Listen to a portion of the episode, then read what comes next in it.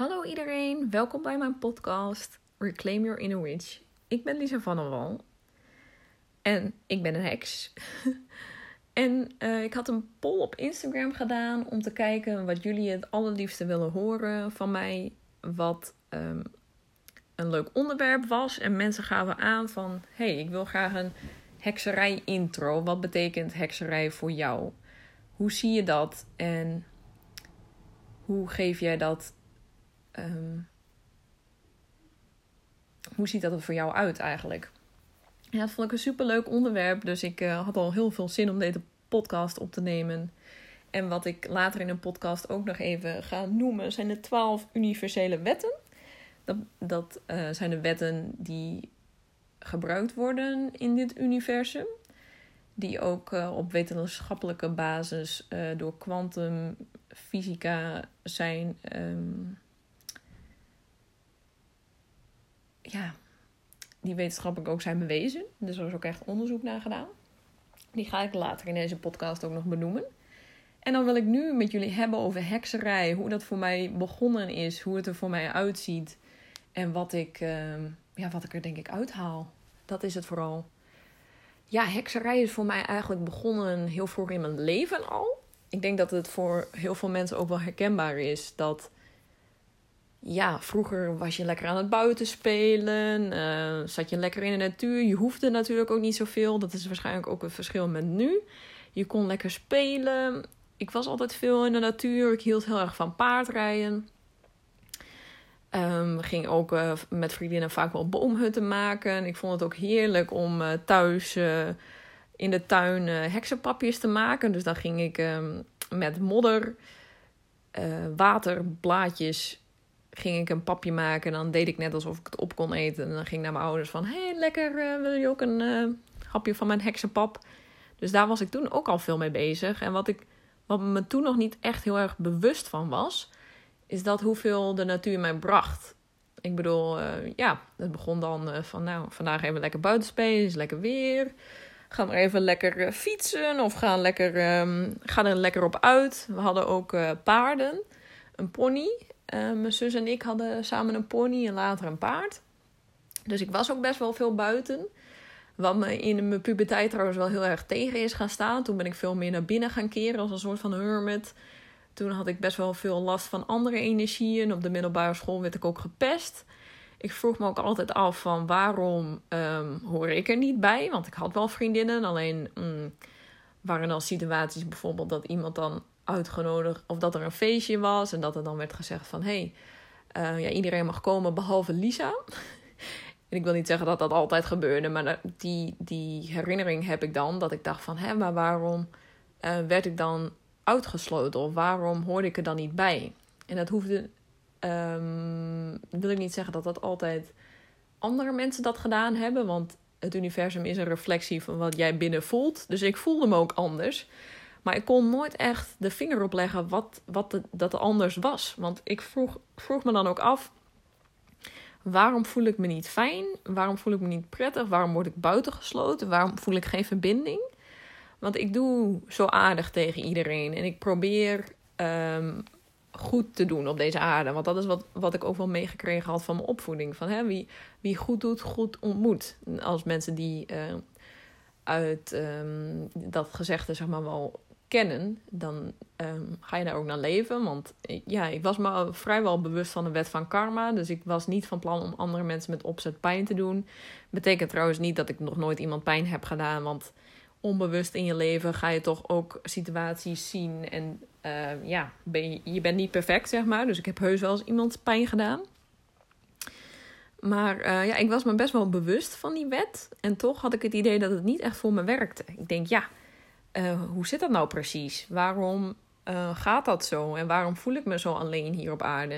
Ik denk dat dat voor best wel veel heksen en lichtwerkers, empathische mensen, HSP'ers, hooggevoelige mensen, mediums, weet ik veel, best wel herkenbaar is. Dat je het idee hebt van um, waarom begrijpt niemand mij? Ik was best wel gevoelig, ik moest wel snel huilen. Uh, stress vond ik altijd best wel moeilijk om mee om te gaan ja, en energie van andere mensen ben ik ook altijd vrij snel bewust van geworden. Ik denk ongeveer na de middelbare school dat ik dacht, eh, ja, ik kon mensen aanvoelen. Ik kon uh, emoties van andere mensen voelen. En ik las eigenlijk overal, als ik daar dan een beetje naar ging kijken, dat dat negatief was. Want dat betekende dat je dan nou ja, een energie van mensen overnam. En dat dat best wel veel energie kostte. Ik was dus ook eigenlijk altijd best wel heel erg moe. Want ik deed altijd veel mijn best om het, nou ja, people pleasen, zeg maar. Om mensen zoveel mogelijk naar hun zin te hebben. Omdat ik aanvoelde wanneer iemand bijvoorbeeld niet lekker in zijn vel zat. Omdat ik zelf ook heel goed wist hoe dat voelde. Dat ik het voor alle mensen in mijn omgeving altijd zo prettig mogelijk wilde maken. Omdat ik weet hoe pijn voelt. En dat ik altijd zoveel mogelijk ervan wil weerhouden dat andere mensen zich zo voelen. En daardoor liep ik mezelf ook altijd wel wat voorbij. En dat ben ik later uh, na mijn studie heel erg achtergekomen. Ik wilde altijd iedereen um, ja, vrolijk houden. En in mijn werk, ik ben uh, verpleegkundige geworden, heb ik ook heel erg goed mijn best gedaan in de geestelijke gezondheidszorg om iedereen zoveel mogelijk te helen. Maar kan ik achteraf ook zien dat ik daar veel te veel energie in heb gestopt, omdat mensen die helen op hun eigen manier en mensen zijn op hun eigen pad en je kan wel willen dat iemand uh, zichzelf bijvoorbeeld verbetert, maar dat is niet aan jou om dat te gaan, uh, onderaan te gaan trekken, bij wijze van. Ja, wat hekserij voor mij eigenlijk ook heel erg betekent, is het bewustzijn van hier op aarde. Het kan natuurlijk staan voor je ja, innerlijke bewustzijn, zeg maar, je innerlijke stem, contact met bijvoorbeeld de natuur, moeder natuur, contact met overledene geliefdes, contact met je spiritteam, contact met, ja, hoe je het wil noemen, God, um, Allah, ja, alle soorten uh, Boeddha, Boeddhisme. Het, je kan het in allemaal soorten geloven um, zien. Maar ik denk dat er gewoon iets, iets groters is waarvan ik me, nou ja, niet altijd even bewust was. En dat is dan maar aan de persoon uh, hoe diegene daar zeg maar een naam aan geeft, vind ik. Dat is mijn mening. Maar ja, en ik noem het dan graag zelf het universum. Ja, bewustzijn. En dat gaat voor mij ook terug naar bijvoorbeeld bewustzijn in wat je eet, bewustzijn in wie je bent, dus hoe je doet tegen andere mensen en bewustzijn van de natuur en de wereld. Ik ben um, best wel ik vind kleding best wel leuk, make-up en dat soort dingen. En ik was daarvoor ook best wel heel onbewust in mijn kleding aankopen. Kopen, kopen, kopen. Want dat is onder andere een heel goed kopingsmechanisme om uh, niet te voelen. Om een beetje die snelle prikkel te hebben van uh, dopamine. Van hey, kopen en ik krijg het gelijk. Maar ik ben me ook steeds bewuster gaan worden van bijvoorbeeld tweedehands kleding. Ik, ik koop nu wel eens kleding op Vinted. En dat wil niet zeggen dat ik dat altijd doe. Want ja, het, het gaat voor mij om bewustzijn. Dus het betekent niet dat dat één weg is voor mensen als je maar bewuster bent van je keuzes. Dus uh, misschien niet uh, al die kleding kopen die alleen maar in het seizoen is, maar misschien kijken naar wat langer meegaat, wat, wat, wat, wat bewuster is voor de wereld. Uh, misschien kwaliteit in plaats van kwantiteit. En ook voor jezelf, wat je, wat je binnen, wat je eet eigenlijk bewustzijn van, van wat je eet. Ik hou heel erg van snoep. Ik ben echt een zoete kou. Dus ik vind het soms best wel moeilijk om bijvoorbeeld wat minder chocolade te eten. Of wat minder uh, snoepjes. Of... Maar ik ben me wel bewust van wat het doet van mijn lichaam. Voor mijn lichaam bedoel ik. Ik ben me wel bewust dat suiker uh, mij niet de energie gaat geven. Of de langdurige energie die ik nodig heb. Dus dan zou bijvoorbeeld een maaltijd meer, met meer groentes. Ik, ik ben zelf ook heel erg van het minder vlees eten. Ik ben uh, vijf jaar of zo vegetarisch geweest. En dat ben ik uiteindelijk mee gestopt, want ik kreeg een B12 tekort. En ik kreeg daar best wel weinig energie van. Waarschijnlijk ook niet helemaal het goede dieet. Dus ik doe het nu, hè, wat ook goed voor me voelt, meer intuïtief. Dus ik eet wel eens vlees, maar zoveel mogelijk niet. Omdat ik me daar goed bij voel. Maar dat is ook voor iedereen anders. Um, ja, hekserij. Dat is, zijn natuurlijk ook spreuken. En dan wil ik eigenlijk wel meegeven. Mensen die dit luisteren of heksen die misschien net ermee bezig zijn. Want ik denk ehm, dat er veel mensen nu op dit moment aan het ontwaken zijn. Veel mensen zijn bewuster bezig. We hebben natuurlijk een hele crisis achter de rug. En mensen uh, zijn meer gaan kijken naar hun eigen uh, aandeel als het goed is. In ieder geval, ik zie dat er veel mensen mee bezig zijn of met heling. Is dat spreuken voor mij ook echt niet one size fits all zijn. Dus um, je kan wel een kaars aan gaan doen.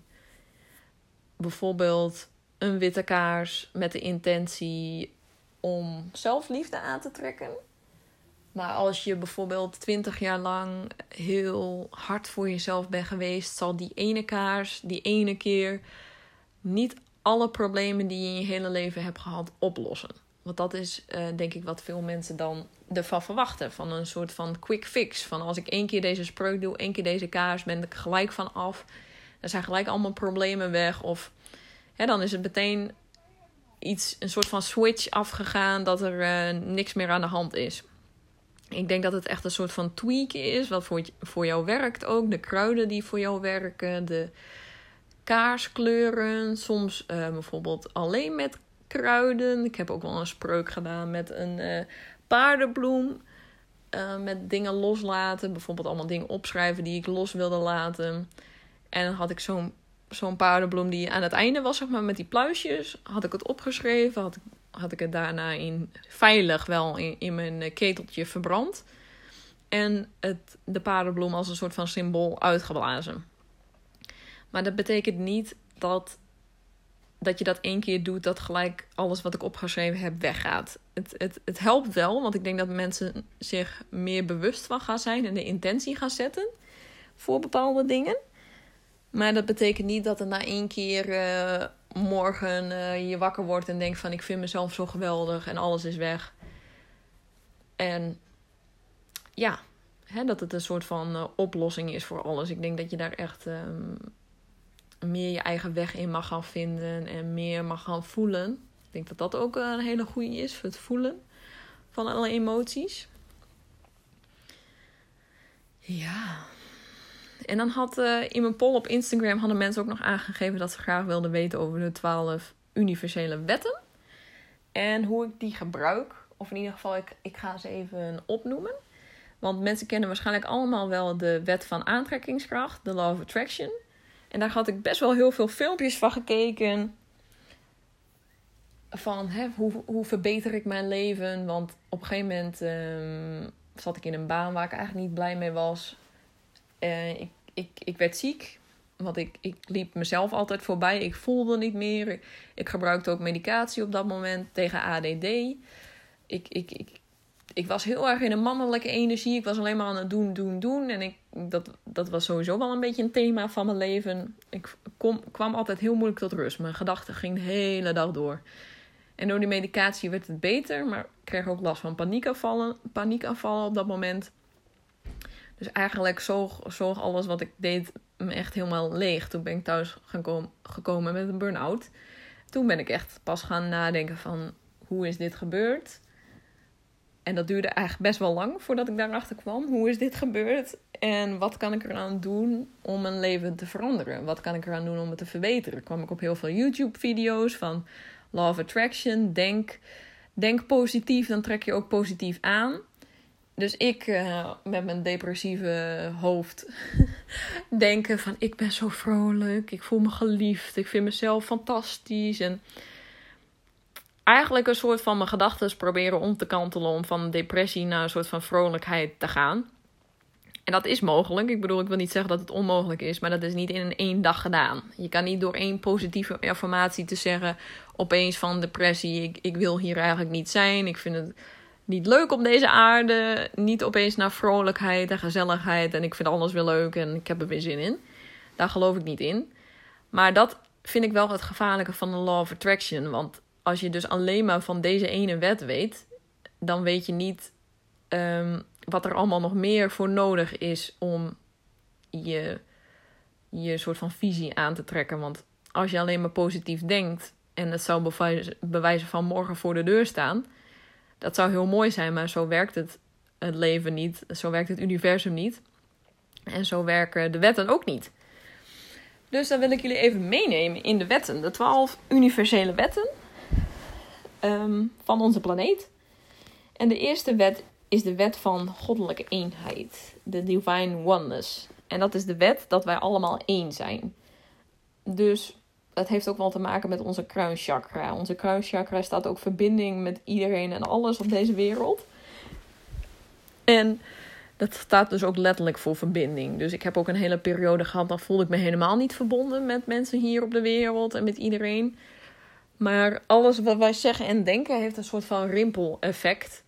Dus als jij pijn wil doen op deze wereld, zal dat een rimpel-effect geven voor alle mensen, bijvoorbeeld in je omgeving, mensen die daar verdrietig van gaan worden. Dat, geeft een rimpel-effect. Maar andersom, als jij heling wil brengen op deze wereld, geeft dat ook een rimpel-effect. Dus dat rimpelt ook door in positieve vibraties, in positieve energie en in de positieve draai eraan. Dus dat heeft eh, te maken met wat wij denken en voelen. Dat dat ook in contact staat met het leven hier op aarde, de dieren, de planten, het hele planeet staan we mee in contact. Dan hebben we de wet van trilling, de wet van vibratie. Dat vind ik zelf een hele interessante. Dat heb ik een, een artikel van gezien waar ik op dit moment uh, even niet weet wie dat dan ook weer geschreven had. Maar dat ging over het feit dat alles hier op de aarde een vibratie heeft. En dat ze bijvoorbeeld McDonald's gingen vergelijken met een appel. En als ze dat apparaat dan bijhielden, want dit is echt door de wetenschap aangetoond, dat um, de McDonald's veel lagere trilling en vibratie had dan een bijvoorbeeld biologische appel. Want de McDonald's is uh, van allemaal wegen. Het is uiteindelijk misschien de hamburgers wel een koe geweest, maar dat heeft uh, de hele wereld over gereisd om bij een bepaalde filiaal aan te komen. En daardoor eh, is het uh, door misschien nog tien handen geweest in, in dozen. En daarna mm, weet ik veel hoe lang in een vriezer geweest. Dus de frequentie van die hamburger gaat dan echt wel omlaag. Zou je dat bijvoorbeeld gaan meten met een biologische appel, die je misschien letterlijk net geplukt hebt van een boom. Dat zou het allermooiste zijn, want dan is het echt nog levend. Als je het dan plukt van een boom en opeet, zit er nog een hele hoge trilling aan. Omdat het ook letterlijk, nou ja, het leefde, zeg maar. Het leefde, het was nog in leven toen jij de, de appel van de boom aftrok. Dus dat is ook wel logisch dat dat een hogere frequentie heeft en dat het je dus ook wel helpt om gezonder te eten, om op die hogere frequentie te komen, om je dus ook beter te voelen. Voor mijzelf was ik me daar altijd bewust van. Als ik bij de McDonald's wegkwam, voelde ik me altijd misselijk en best wel moe. Ik snapte eigenlijk nooit waar dat nou precies wegkwam. Ik wist natuurlijk wel dat het niet heel gezond was, maar ik hoorde, veel, ik hoorde niet veel mensen daarover. Dus ik dacht, wat is dat dan precies? En dan hebben we de derde wet van actie. Is ook een super belangrijke wet. Omdat mensen bewust zijn van de law of attraction. Dus uh, denken, voelen en aantrekken wat je denkt en voelt. Maar mensen vergeten dan de wet van actie. Het actie ondernemen je kan bijvoorbeeld wel een bedrijf willen waar, waarbij je morgen 2k verdient. Maar als je een bedrijf niet opzet, als je geen klanten aantrekt, als je niet zichtbaar bent, als je niet aanbiedt wat je doet en als je dat niet helder hebt, dan is er voor het universum ook geen weg om dat voor jou aan te trekken. Want het universum kan heel veel doen, maar als jij zelf niet de actie onderneemt, omdat we hier op aarde zijn, uh, we hebben dat nodig. We, hoe misschien je het ook echt niet wil, we hebben geld nodig om hier op aarde te kunnen zijn, om vrijheid te ervaren. Of in ieder geval, je kan vrijheid ervaren zonder geld, maar we hebben geld wel nodig om te overleven hier op aarde. Dus daarvoor moet je dan natuurlijk ook echt actie ondernemen. En dat vergeten heel veel mensen bij de wet van Law of Attraction. Die denken: hé, hey, ik ga visualiseren, mediteren dat ik uh, morgen mijn droomleven heb en het staat morgen voor mijn deur. Dat zou natuurlijk mooi zijn en ik ben hier zelf ook ingevallen in deze trap. Maar helaas werkt het allemaal niet zo en is het wel, heeft het wel wat meer voeten in de aarde. No pun intended. Dan hebben we ook nog de wet van overeenstemming of de wet van de, de spiegelwet wil ik hem eigenlijk meer noemen. De wet van spiegelen, van uh, reflectie. En dat betekent dat dingen die wij voelen op welke frequentie wij zitten, dat spiegelt ook in onze ehm, omgeving. Dus ben je bijvoorbeeld heel ontevreden en heb je het idee dat alles tegen jou is en heb je het idee dat, dat het allemaal kut is hier op aarde en dat niks leuk is, dan zul je ook eerder dingen in je omgeving gaan zien die kut zijn. Bijvoorbeeld uh, een, een, een, keukenkastje die uh, kapot is en die je moet maken. Of uh, je struikelt omdat je naar beneden kijkt en jezelf zo zielig voelt. Of dat je het zo vervelend vindt allemaal. En dat betekent niet dat je echt niet dat je ongelukken kan aantrekken. Want daar geloof ik absoluut niet in. Ik geloof er namelijk in dat het universum ons beschermt. En niet dat het ons pijn doet. Maar dat het wel onze, ja, onze aandacht kan trekken door dingen in onze omgeving te spiegelen. Dus als je je heel zielig voelt, zul je ook dingen gaan zien die jou alleen nog maar meer zieliger laten voelen. Dan hebben we ook nog de wet van oorzaak en gevolg. En dat zie ik een beetje als de wet van karma. En dan is er ook nog de wet van compensatie. En dat is, staat wel een beetje haaks op elkaar. Dat betekent dat wat jij eigenlijk naar buiten brengt. Dus hoe jij ehm, bijvoorbeeld omgaat met mensen. Als je heel helpend bent, als je eh, de bedoeling hebt om mensen te helpen in plaats van te kwetsen, krijg je dat ook terug. Die frequentie krijg je ook weer terug. Dus dat betekent niet dat je morgen opeens, uh, weet ik veel, dat, dat heeft geen tijd, zeg maar. Je krijgt dat ooit wel weer eens een keer terug in, een, in iets positiefs. En als jij haat wil verspreiden, zit je ook op de frequentie van haat en krijg je dus ook haat terug. En dan zal je dus daar ook in, is het ook lastig om daar uit te komen, want het is ook moeilijk. Je kan het zien als een soort van radio. Als jij je radio op haat zet, is het heel moeilijk om liefde te gaan ontvangen. En is het heel moeilijk om liefde te zien. Want als jij denkt dat de wereld alleen maar haat en kwaad, kwa, kwade zin heeft, zou je het ook heel moeilijk vinden om te zien dat er wel liefde en licht en lichtwerkers zijn op deze aarde. De wet van compensatie, alles wat je geeft, krijg je ook terug. Dus um, heeft onder andere ook wat te maken met, met geld, vind ik. Als je ehm, heel bewust altijd niks uitgeeft, of je vindt het moeilijk om bijvoorbeeld cadeautjes te geven, of je vindt het moeilijk om, het hoeft niet alleen geld te zijn, maar om liefde te geven dan krijg je dat ook weer terug. Dus het heeft dus een beetje hetzelfde als oorzaak en gevolg. Maar ik zie het meer een beetje als met geld. Dus als jij het idee hebt dat er nooit genoeg is, dan zul je ook nooit genoeg zien. Maar als jij geeft met onvoorwaardelijke liefde, zal je ook altijd zien dat er onvoorwaardelijke liefde is en dat je ook weer dingen ervoor terugkrijgt. Dan heb je de wet van aantrekking, law of attraction, zoals mensen wel weten. Dat is ook je gedachten, je gevoelens, wat je denkt, ontvang je. Maar nu we ook weten dat er veel meer wetten zijn, kan je daar misschien ook wat relatiever naar kijken. En die wet komt ook, de wet van relativiteit komt straks. Dan hebben we de wet van relativiteit, wet van betrekkelijkheid. Dus alles heeft zo ja, zijn. Um, ik zie het een beetje de wet van lessen. Dus ik heb bijvoorbeeld, misschien ben ik gepest op school. Maar later heb, heeft het me ergens geholpen om in te zien dat ik misschien hè, dat ik een lichtwerker ben. Of dat ik, dat, ik, dat ik anders denk dan andere mensen. Of dat het er allemaal wat anders uitziet bij mij. En dat het misschien voor bepaalde mensen moeilijk is om daarop aan te haken. Of dat sommige mensen het moeilijk moeite hebben om mijn boodschap te ontvangen, is de les in principe een soort van relatief geworden. Want op dat moment, toen ik in die les zat, toen ik gepest werd op school en ik voelde me heel erg alleen, had ik echt het idee van: hè, dit is het kutste wat me kan overkomen. Waarom zou me dit overkomen? Want hè, ik probeer alleen maar goed te doen op deze aarde. Maar kan ik nu heel veel later inzien dat deze les nodig was om mij in te zien waarom bepaalde dingen gebeuren en waarom je bepaalde pijn ervaart. Betekent niet dat de pijn minder is of dat het leuk is om door te gaan. En dan kom ik ook op de wet van polariteit. En dat betekent dat er altijd twee kanten zijn: wit en donker, licht, licht en zwaarte, bij wijze van. dat heeft me heel erg geholpen toen ik best wel in de put zat. Want toen dacht ik van, hé, hey, ik, ik ben ziek en ik ben depressief en ik voel me vervelend en dit gaat nooit meer over. Dit, dit gaat gewoon niet meer over, dit is de rest van mijn leven en ik zal nooit meer uh, vrolijk en gelukkig zijn. De wet van polariteit is de wet dat er twee kanten zijn en dat er altijd slechte dagen zullen zijn en altijd goede dagen zullen zijn. Dus als je dan bijvoorbeeld door een slechte periode heen gaat, weet je gewoon, omdat het een natuurwet is, dat er ook weer goede dagen aan zitten te komen.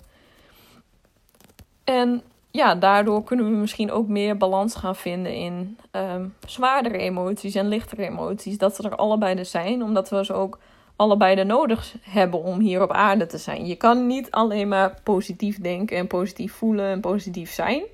Zoals je misschien wel hebt gezien van die Law of Attraction video's. Denk positief, voel positief. Dat is eigenlijk, ga je dan nep doen alsof je je prettig voelt. Terwijl die emotie eronder zit, is eigenlijk dat je je eenzaam voelt of alleen voelt hier op aarde. De universum weet het wel, die voelt je frequentie wel. Dus als je een soort van nep gaat doen alsof je vrolijk bent, dan trekt dat uiteindelijk niet vrolijkheid aan. Dat is echt een weg ernaartoe. En dat kan je, dat kan je ook echt bereiken. En daar geloof ik ook echt in, want ik heb daar uh, echt wel naartoe gewerkt. En ik voel me echt een stuk beter dan een, een paar jaar geleden. Maar dat doe je niet door nep te doen. Je moet echt door je emoties heen. Je moet doorvoelen. Je moet door je trauma's heen. Om ook weer naar boven te gaan, zeg maar. Om je ook weer beter te gaan voelen. Dan heb je nog de wet van ritme. Alles heeft een ritme, alles heeft een cyclus. Ik denk dat we dat op deze wereld soms best wel zijn vergeten. Want uh, vroeger gingen ze best wel werken met de maan. Bijvoorbeeld zaaien met de nieuwe maan, pl uh, planten, uh, bezig ja, met nieuwe dingen te maken. En met de volle maan gingen ze dan bijvoorbeeld oogsten. Dus dan gingen ze het allemaal weer weghalen. En dan gingen ze weer bezig met een nieuwe cyclus. En hetzelfde met onze seizoenen. We hebben lente, zomer, herfst en winter. En ik heb het idee dat wij onze seizoenen wat zijn vergeten. Want vroeger uh, gingen we dan veel oogsten en zaaien, bijvoorbeeld in lente en zomer. Gingen we heel hard aan het werk om, om onze voorraad uh, van voedsel te, te bewerkstelligen. En dan hadden we in herfst en winter veel meer tijd om te rusten en rustig aan te doen, omdat we al onze voedsel al opgeslagen hadden. En ik denk dat we dit in deze maatschappij best wel vergeten zijn, dat we ook mogen rusten. Rusten uh, brengt heel veel nieuws. En ja, ik zie gewoon echt een soort van husselcultuur van doen, doen, doen. En dat komt misschien omdat ik er zelf ook heel erg in zat. Want als je bijvoorbeeld een nieuwe auto of een nieuw huis wil, dan moet je er ook hard voor werken. Want dat is natuurlijk ook de wet van actie. Alleen, we zijn vergeten dat ons leven echt draait om de maan en om de seizoenen. En dat we meer mogen gaan leven met de seizoenen en de maancyclus. Ook bijvoorbeeld onze eigen menstruatiecyclus. Vroeger uh, bloeden mensen met de maancyclus. En nu is, zijn we zoveel gestrest en bijvoorbeeld met hormonen of anticonceptie, dat dat, ja, dat is gewoon anders geworden. We zijn ons minder bewust van ons eigen lichaam, omdat we maar aan het doen, doen, doen zijn. En we vergeten om ons eigen lichaam daarin mee te nemen. Om ons te zorgen en lief te zijn voor ons eigen lichaam. En dan wil ik ook nog hebben over de wet van gender.